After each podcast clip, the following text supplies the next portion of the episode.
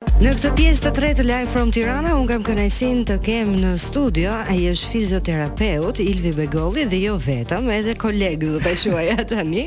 Mirë se erdhe. Mirë se u gjeta. Faleminderit për ftesën. Dhe shumë kënaqësi sepse jemi takuar më përpara, por ja do të flasim tani për gjëra të bukura që kanë lidhje edhe me profesionin, por edhe me dashurinë për radion. Dhe do ta nisim bisedën me podcastin uh, tënd që është Vitality Vibes, çdo të shtunë orën nëntëmbëdhjetë deri në orën njëzet.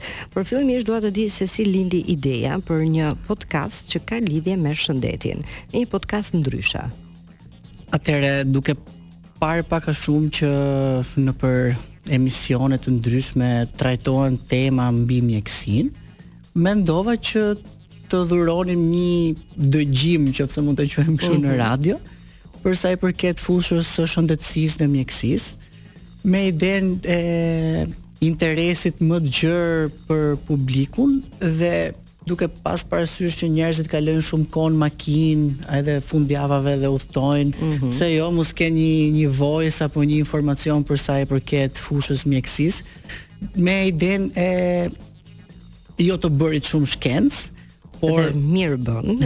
pra nuk na nuk, nuk na duhet shumë anatomi, mm -hmm. por që të gjithë ata personazhe që vijnë tek ne, që jo me doemos janë mjek, po janë edhe personazhe, do jenë edhe personazhe të cilët uh, kanë pasur një episod mjekësor në jetën e tyre apo një histori mjekësore, pra mund të vijë një sportist i cili tregon një informacion mjekësor se si e ka përjetuar nga ana psikologjike një traumë, që mund të ketë qenë i operuar, si mm -hmm. e mhm. ka rekuperuar, pra diçka diçka edhe nga jeta reale që besoj që edhe ne jemi mund të prekemi dhe pse jo ë ky informacioni mjekësor nuk na vjen vetëm nga mjekët, por na vjen edhe nga individët ku ata që e dëgjojnë mund të informohen për të ndjekur pastaj edhe atë rrugën e menaxhimit të një problemi të ngjashëm që duke e dëgjuar marr një lloj drejtimi. Personalisht më pëlqen podcasti yt për dy arsye. E para që nuk është aq shkencor, se gjërat shkencore nuk janë të kuptueshme për për të gjithë.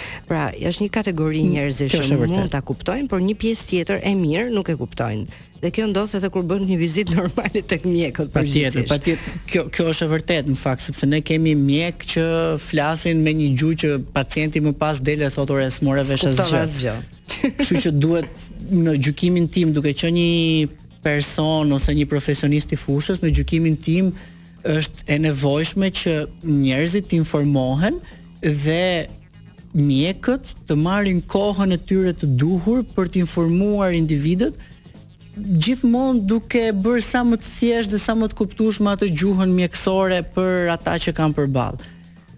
pse jo, mos ta bënim në radio në këtë rast mm -hmm. dhe me një video gjithsesi që shoqëron podcastin ku njerëzit të informohen, siç u tha pak më parë, të gjejnë ato njohuritë dhe informacionet e nevojshme nga profesionistë të fushës. Dhe kjo është e rëndësishme që të marrin një lloj drejtimi. Pra kur ti dëgjon për një sëmundje të caktuar apo për probleme të ndryshme dhe ti ndoshta që je në dëgjim ke të njëjtat simptoma, atëherë ti merr edhe një informacion ku duhet të shkosh, se shpesh herë mendoj unë mungon informacioni tek njerëzit, që mund të kenë disa probleme të caktuara shëndetësore, por gjenden me pikëpyetjen që ku të shkoj, ku kujt t'i drejtohem. Po, dhe kjo dhe kjo qëndron, në fakt është një, një sugjerim ose një pyetje në qoftë se mund ta quajmë kështu, ë shumë shumë domethënëse.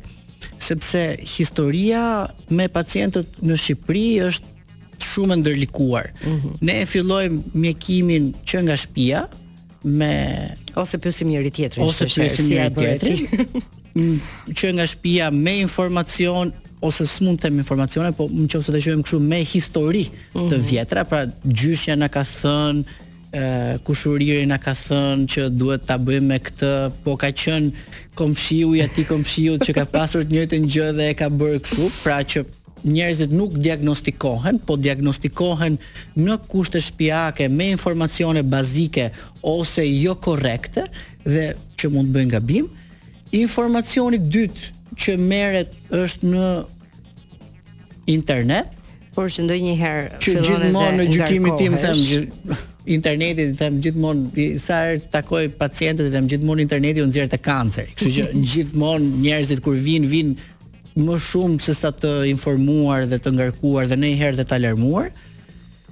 Kështu që në rastin e podcastit ne mendojmë që t'i fillojmë gjërat nga A-ja. Pra, Në episodin e kaluar patëm një neurokirurg, mm -hmm. i cili është shumë profesionist, shumë i famshëm, po ka dhe një gjuhë kështu tiranse të vjetër që është dhe e bën dhe popullor në të njëjtën kohë dhe folëm për dhimbjet e mesit. Mm -hmm. Dhe ne jemi të gjithë të prekur një herë në jetë nga dhimbja e mesit dhe morëm dhe shpjeguam se çfarë duhet të bëjë një person që ka një dhimbje mesi.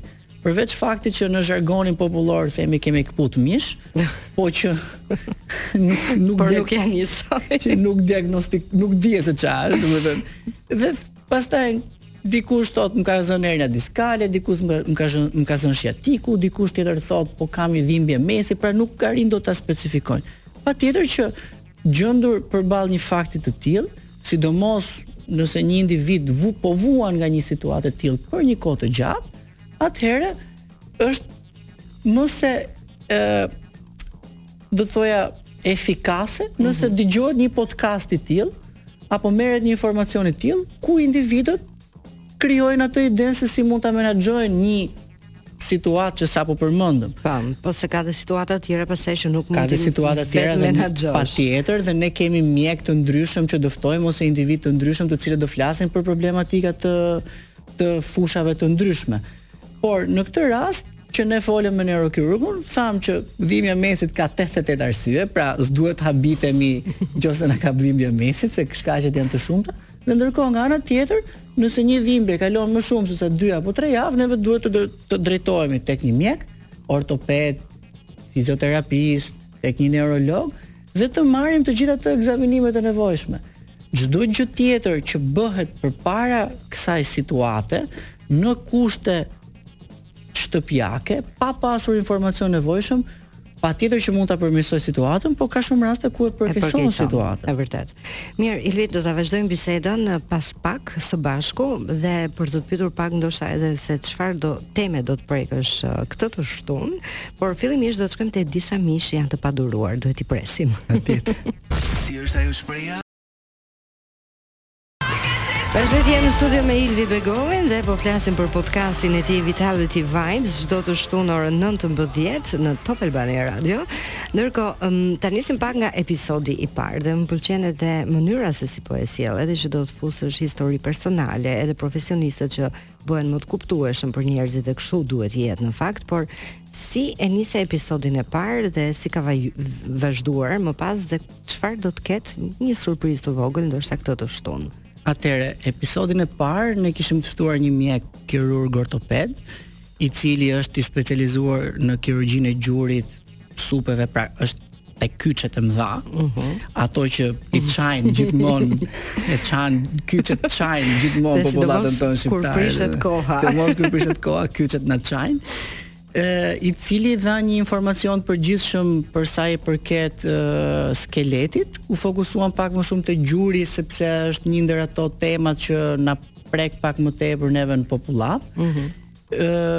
me idenë e dhënies së informacioneve si për ata që bëjnë sport, por edhe për ata mosha të cilat janë mbi 60 dhe duan të bëjnë dhe ata një aktivitet, pra si të ruajnë vetveten e tyre, si mos dëmtohen, mo, dhamë informacion për sa i përket suplementeve. Kemi njerëz që në shtëpi rrinë rrinë dhe marrin vitaminë D, bleni jo, çdo gjë që shitet në supermarket, edhe që shitet në internet. Dhe nuk dimë a, janë kaq shumë të mira apo thjesht është marketingu që na i shet ato sikur ne realisht na bëjnë punë.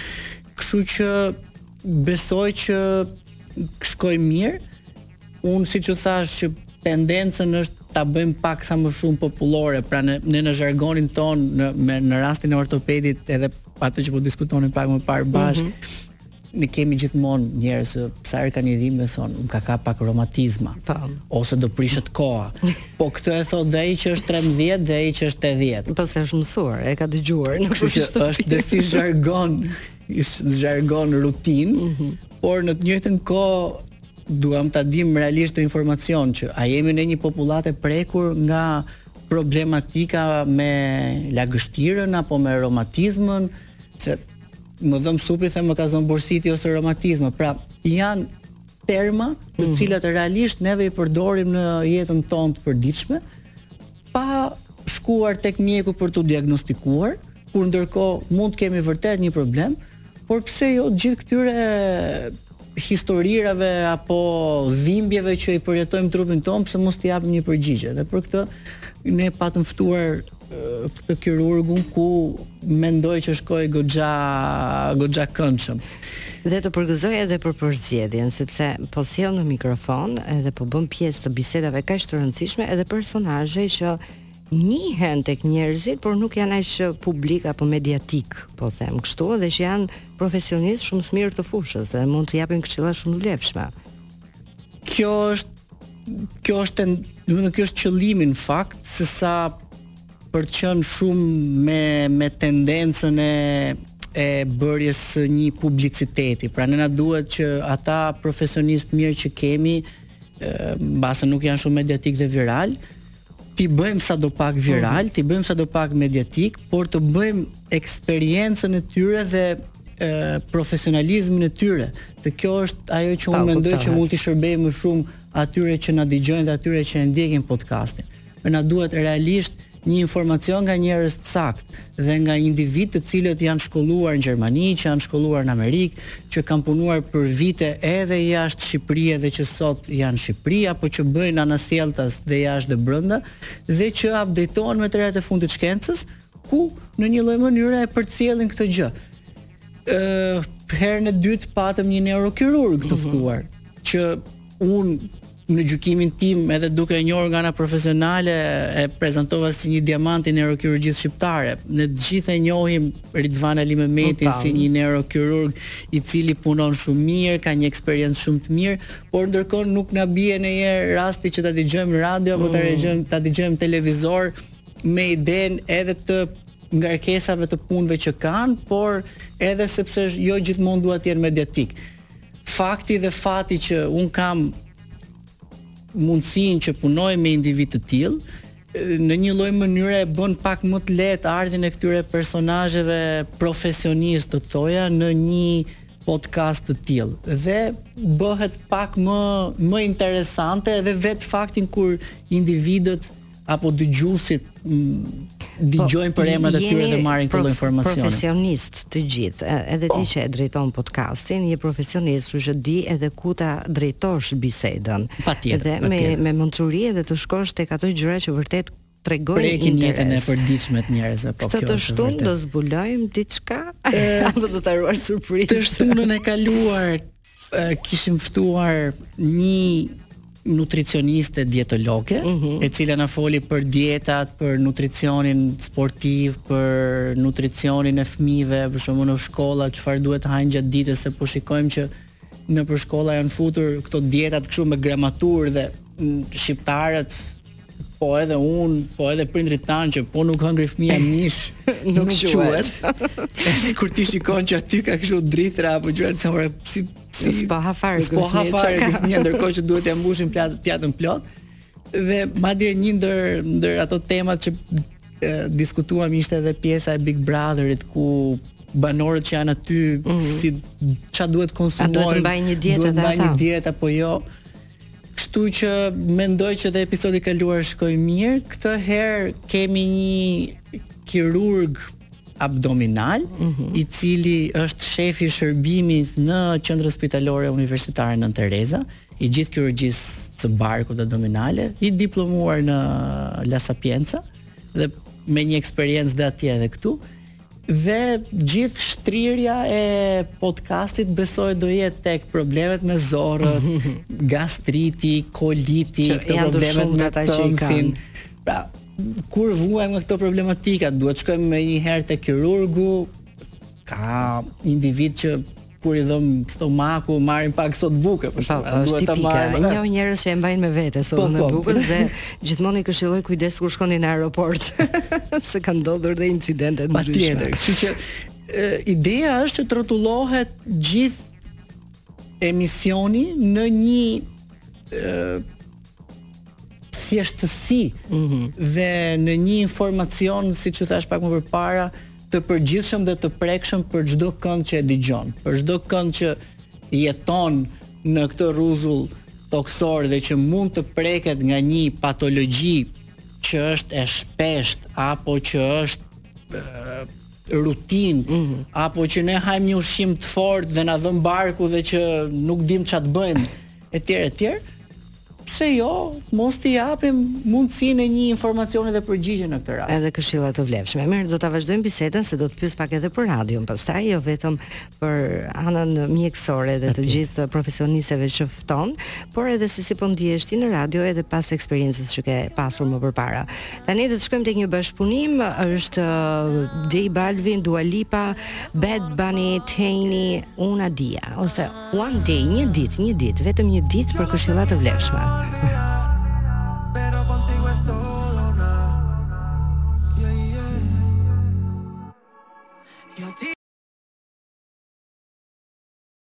Ilvi jam kureshtare të di gjatë uh, mbarimit të podcastit të temës që ke trajtuar, a ka njerëz që të shkruajnë mbrapa edhe të bëjnë pyetje specifike në lidhje me atë që kanë dëgjuar?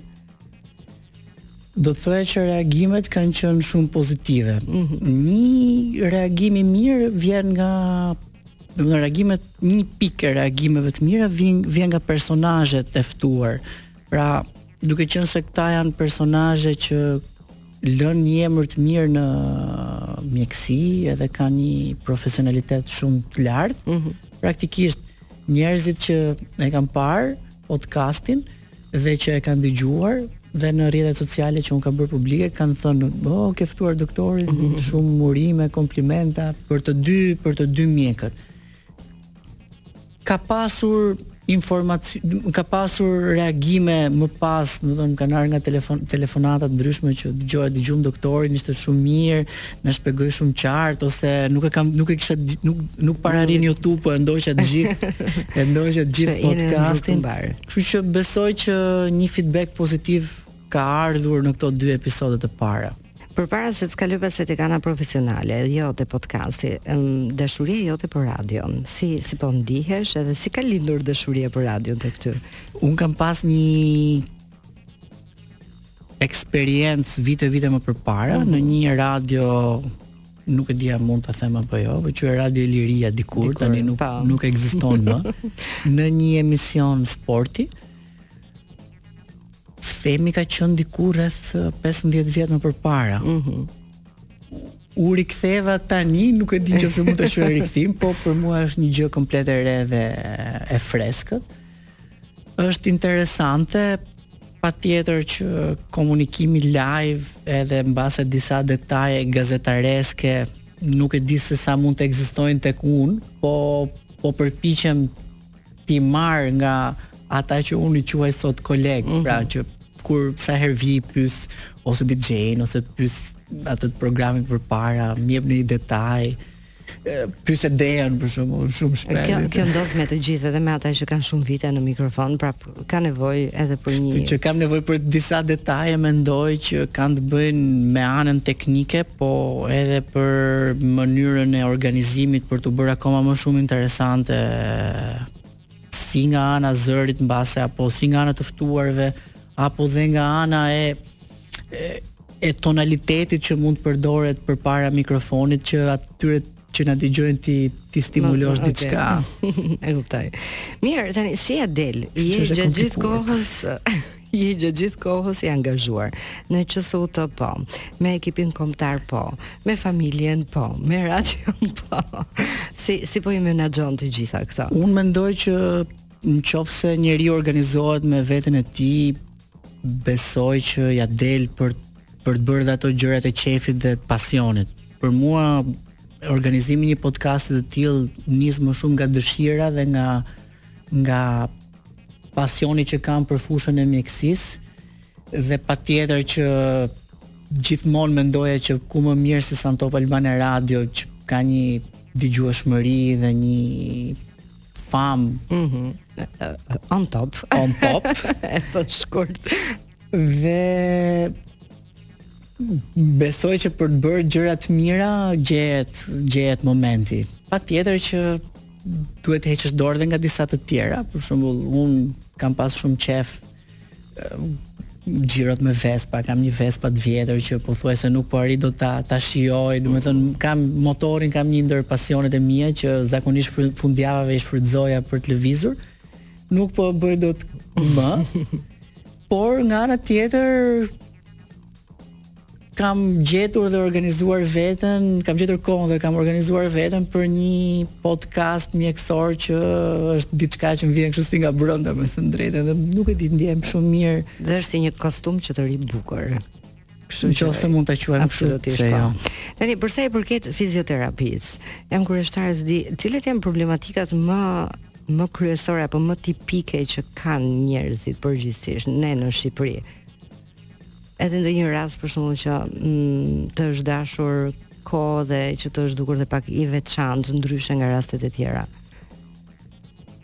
Vet dega e fizioterapisë është një fushë goxha e gjerë, pra ne mm. futemi në ato hallka të mjekësisë ku do të thoja prek të gjithë fushën e mjekësisë. Pra një fizioterapist futet në gjinekologji, futet në kardiologji, në kardiokirurgji, në neurologji, neurokirurgji, pra vet fusha apo vetë profesioni të jep mundësinë që fusha të jetë shumë e gjerë. Mm -hmm. Dhe të rastis që të shikosh rastet nga më të ndryshme. Ajo që mua më prekin, domethënë ato diagnoza që mua më prekin personalisht dhe që nuk e di në qoftë se mund ta quajmë kështu, më bëjnë shumë të dhembshur edhe pse vitet kalojnë dhe eksperienca rritet edhe mësohesh me të gjitha problematikat nga profesioni.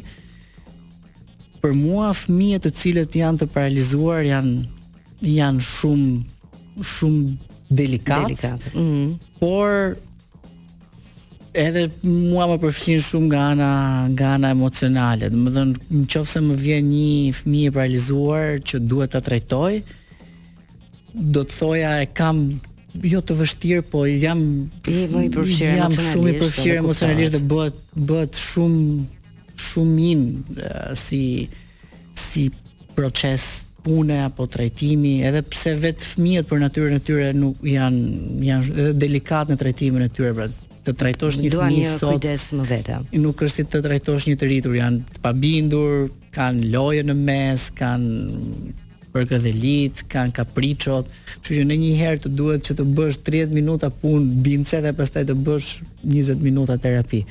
Kështu që është pak e vështirë në këtë aspekt.